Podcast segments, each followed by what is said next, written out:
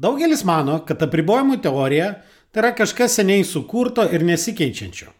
Tačiau ši metodika yra nuolat tobulinama ir papildoma atsižvelgiant į realių dėgymų patirtis. Šiandien apžvelgsiu neseniai pasirodžiusią apribojimų teorijos kurėjo Alijahu Goldrato dukros Efrat Goldrata šla knygą, romaną Goldratos rauto taisyklės - Goldrat Rules of Flow, kurioje pristatomi kritinės grandinės metodikos papildymai.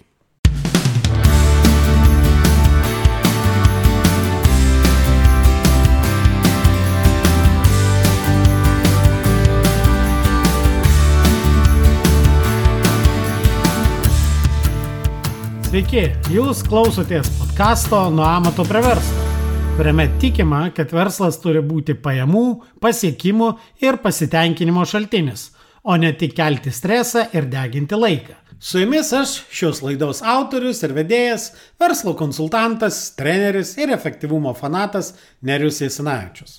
Jūs klausotės jau 20-ojo tinklalaidės epizodo. Toliau tęsime pokalbius apie projektų valdymą. Taip pat noriu priminti, kad daug nemokamos informacijos projektų valdymo tema galite rasti tinklapyje www.anverklubas.lt pakrypęs brūkšnys projektai. Ankstesnėjame, tai yra 19 epizode, kalbėjau apie kritinės grandinės metodiką, tai yra apribojimų teorijos principų taikymą projektų valdyme. Bet nuo daktaro Elijahu Goldrato verslo romano Kritinė grandinė pasirodymo praėjo daugiau negu 25 metai. Per tą laiką ši metodika buvo įdėkta tūkstančiose organizacijų, todėl buvo gauta daug papildomos patirties ir informacijos apie tai, ko reikia, kad kritinės grandinės dėgymai būtų sėkmingi. Galima pasidžiaugti, kad Goldrato dukra, taip pat knygos pasirinkimas bendraautorė Efrat Goldrata Šlak, visą apibendrintą kritinės grandinės dėgymų patirtį sudėjo į naują verslo romaną, kurį pavadino Goldratos rauto taisyklės.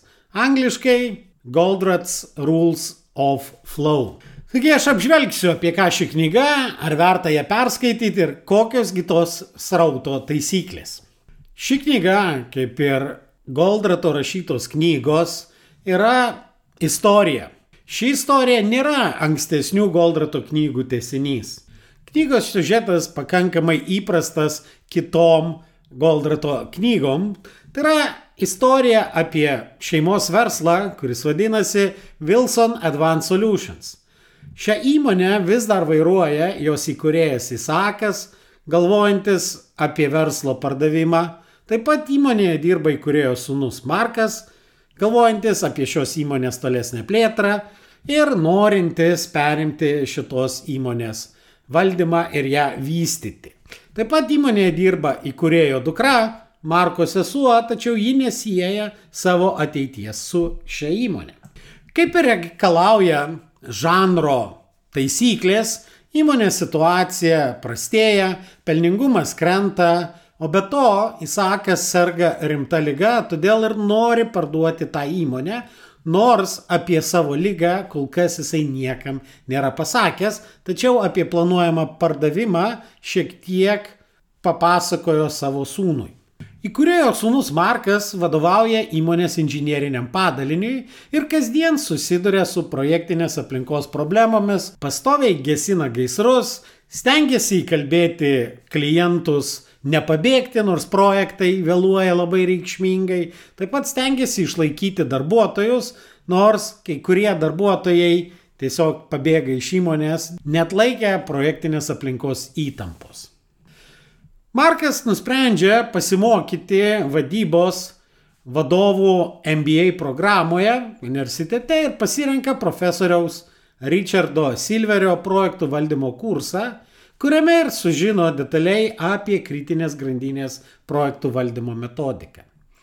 Beje, tame pačiame kurse mokosi ir kiti studentai, pavyzdžiui, Kiara, finansinės institucijos IT padalinio vadovė, bei Čarlis, statybinės organizacijos projektų vadovas, neretai pakomentuojantis ir pateikiantis pavyzdžius, kokie statybiniai projektai yra kitokie ir unikalūs ir kaip jie skiriasi nuo tų projektų, kuriuos daro Marko įmonė ar Kiaros IT padalinys. Knygoje puikiai atvaizduoti ne tik projektinės aplinkos problematika, situacijos, iššūkiai ir tobulinimo veiksmai, bet ir neišvengiamas kartų konfliktas dėl įmonės valdymo stiliaus ir tolesnės ateities. Ir tos situacijos tikrai labai tikroviškos ir man yra tekę susidurti su panašiom situacijom, dirbant su įvairiom lietuviškom įmonėm. Romano metu aprašoma, kaip Markas eina į paskaitas, gauna tam tikras projektų valdymo žinias, tiksliau sakant, projektinės aplinkos tobulinimo žinias ir jas pritaiko įmonėje. Taip pat susiduria su įvairiais iššūkiais, kuriuos aptaria ir paskaitų metu, ir e, pats priema vienokius ir kitokius tobulinimo sprendimus. Ir aišku, įdėkti e, principai duoda savo rezultatą ir Markui pavyksta pakeisti nusistovėjusias įmonės projektų valdymo praktikas bei pasiekti reikšmingų rezultatų. Įmonė išmoksta daryti projektus greičiau, patikimai ir įmonės ateitis tampa pakankamai šviesi. Taigi, kokios tos srauto taisyklės, kurias būtina įsidėkti, norint pagerinti projektinę aplinką, jos efektyvumą. Beje, turiu pripažinti, kad tos taisyklės aktualios ne tik projektiniai aplinkai, bet jos aktualios ir procesiniai aplinkai. Pirmoji taisyklė tikriausiai daugeliu jau yra girdėta iš mano ankstesnių epizodų, taip pat ir webinarų, tai yra Venkite blogos blaškos, venkite blogo multitaskingo ir kontroliuokite darbų kiekį sistemoje. Nepaleiskite per daug darbo į sistemą, nes blaška ilgina užduoties užbaigimo laiką, blaška švaisto išteklių pajėgumus. Dėl blaškos to multitaskingo atsiranda daugiau klaidų, kurias vėliau reikia ištaisyti, dėl to vėl atsitinka papildoma blaška.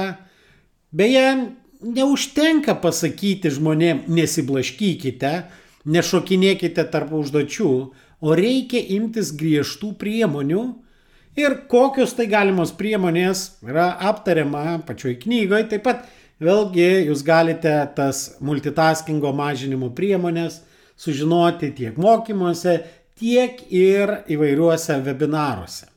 Beje, pirmiausiai tą tobulinimą, multitaskingo mažinimą reiktų pradėti nuo apribojimo.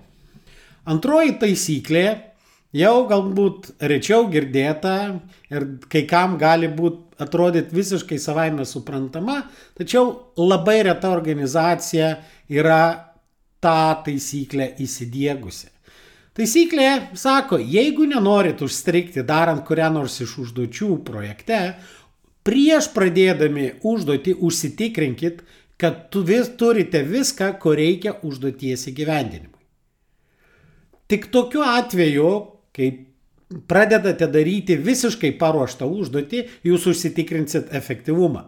Užduotis tada galės būti atlikta be jokio blaškymus ir sustojimų. Taip pat pilno krepšelio ar to vadinamo fulkito užtikrinimas gerina ir žmonių motivaciją, nes sumažėjo konfliktų, tarpusavio kaltinimų ir vėlgi bereikalingo blaškimuose. Taip pat šitos taisyklės įdėgymas užtikrina didesnį lankstumą atsitikus įvairiausiams netikėtumams ir galima greičiau reaguoti į pasikeitusią situaciją. Ir pirmiausia, reiktų pradėti nuo to, kad susitart, O kas tai yra tas vadinamas pilnas krepšelis, fulkitas užduoties atlikimui? Ir jūs pamatysit, kad daugelis žmonių turi skirtingą įsivaizdavimą, kas yra reikalinga tos užduoties atlikimui. Taigi pirmiausiai jūs ir turėtumėt nustatyti, o kas tai yra tas full kitas. Trečioji taisyklė - taikykite triažą ir užtikrinkite, kad dirbate ties teisingais prioritetais. Kas tas yra triažas? E, triažas tai yra terminas atėjęs iš medicinos, tai yra procesas, kurio metu nustatoma pagalbos ar gydimo reikalaujančių žmonių ar sužestųjų asmenų prioritetinis eiliškumas pagal jų sveikatos būklę. Tai yra būdas organizuoti ir rūpintis pacientais pagal jų skubumą ir poreikius. Tam tikrą prasme, triažas tai yra prioritetų sistema, nes ne viskas yra vienodai skubu ar svarbu. Todėl jums labai svarbu turėti sistemą, kuri pasakytų, kur dabar turi būti nukreiptas projektų vadovų, projekto komandos ir galbūt įmonės vadovų dėmesys. Tik tokiu atveju mes užtikrinsim gerą projekto darimą. Ketvirtoji taisyklė - užtikrinkit sinchronizacija tarp užduočių, žmonių ir išteklių. Nes labai dažnai taip jau atsitinka, kad projekte jau lyg ir galėtumėm pradėti daryti vieną ar kitą užduotį, tačiau mums kažko trūksta, kažkas laiku nepadarė ir pasirodo, kad pradėjo per anksti daryti ar per vėlai. Tai yra labiau planavimo, teisingo planavimo taisyklė. Penktoji taisyklė kalba apie dozavimą. Jei dažnai tenka grįžti prie to pačio projekto ir nėra rezultato, tai yra mūsų dalyvavimas vienoks ar kitoks projekte neduoda reikalingo progreso, galbūt tuomet reikia padidinti dozę ir iš tikrųjų įdėti daugiau pastangų atlikti vieną ar kitą darbą, kad įvyktų tas progresas. Nes kartais per mažas tas prisilietimas tik išvaisto išteklį ir neduoda jokio rezultato. Štai kaip pavyzdys, jeigu remontininkai atėjo remontuoti kažkokį įrenginį, jie tą gali padaryti labai greitai, taip, kaip sakant, su pleistru priklijuodami kažkokią vienokią ar kitokią įtrūkusią detalę, bet įrengimas po pusės valandos vėl sulūš. Taigi galbūt verta atlikti rimtesnį remontą ir užtikrinti, kad įrengimas negluž pakankamai ilgą laiką. Taigi dozavimas, jeigu mes matome, kad progresas nevyksta, reikia padidinti tų pastangų dozę. Šeštoji taisyklė sako, kad reikia vengti nereikalingų perdarimų, taisimų. Tiesiog reikia identifikuoti priežastis, kodėl negalime padaryti užduoties gerai iš pirmo karto ir tas priežastis šalinti. Man neretai tekia girdėti projektų vadovus juokaujant, kad neturime laiko gerai padaryti iš pirmo karto, bet visada turime pakankamai laiko perdaryti, galbūt net ne vieną, o kelis kartus.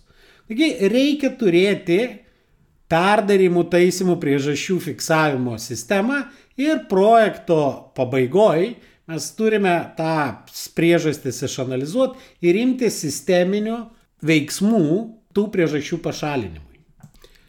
Septintoji taisyklė sako, kad reikia standartizuoti ten, kur improvizacija brangiai kainuoja. Ir patikėkit manim, dažniausiai improvizacija kainuoja brangiai. Aišku, ne visada mes galime turėti standartizuotą sprendimą, bet 80 procentų atveju standartiniai sprendimai suveiks. Taip, aš suprantu, kad jūsų aplinka unikali ir jūsų projektai, kiekvienas iš tų projektų yra labai unikalūs, tačiau dažniausiai unikalūs projektai susideda iš pakankamai standartinių dalių. Be to, neįmanoma tobulinti to, kas nėra standartizuota. Taip kad pasižiūrėkite, kurias jūsų projektų dalis, plano dalis, įgyvendinimo dalis jūs galite standartizuoti. Aštuntoji taisyklė, jinai irgi yra labai svarbi ir jinai teigia, kad reikia atsisakyti lokalaus optimumo siekimo. Tai yra visos taisyklės, rodikliai ir panašiai, kurie yra orientuoti į lokalų optimumą, mums jokios naudos nere, neduos. Nes globalus optimumas yra svarbiausia. Mes turim nepamiršti, kad nesvarbu atskirą užduotį užbaigti laiku, greičiau, bet svarbu visą projektą užbaigti laiku, kaip galima greičiau. Ir taip pat reikia nepamiršti, kad ypač projektinėje aplinkoje svarbiausia kuo greičiau užbaigti projektą, o ne efektyviai užkrauti resursus. Geras to pavyzdys būtų Formulė 1, tikriausiai daugelis matėte Formulės 1 vienokią ar kitokią lenktynių transliaciją ir jūs matėt, kaip dirba to bokso pitstopo mechanikai. Jie iš esmės dirba labai trumpai ir jų vidutinis efektyvumas yra labai nedidelis, nes jie didžiąją lenktynių dalį nieko nedaro. Tačiau, kai atvažiuoja pilotas bolida ir bolidas į boksą, jie daro viską, kad pilotas, bolidas su pilotu išvažiuotų kaip galima greičiau. Autorė visas šitas rauto taisyklės knygoje puikiai iliustruoja įvairių projektinių aplinkų pavyzdžiais. Taip kad knygos skaitimas tikrai neprailgs ir labai tikėtina, kad šią knygą norėsis paskaityti ne kartą. Ypač jei jums tenka dirbti projektinėje aplinkoje. Todėl mano rekomendacija vienareikšmiška. Tikrai rekomenduoju perskaityti šią knygą. Jeigu vis dėlto turite iššūkių su literatūros skaitimo anglų kalba, tai noriu pasakyti, kad esu girdėjęs leidėjo planus išleisti šią knygą ir lietuvių kalba. Tai šiam epizodui tiek ir iki kitų mūsų susitikimų. Dėkoju, kad klausėtės. Ir nepamirškite užsiprenumeruoti šį podcastą, kad visuomet gautumėte informaciją apie naujausias laidas. Taip pat būsiu labai dėkingas, jei įvertinsite šį podcastą palikdami atsiliepimą savo įprastoje podcastų platformoje. O jei pažįstate kažką, kam jūsų nuomonė šis podcastas būtų naudingas, būtinai pasidalinkite. Iki!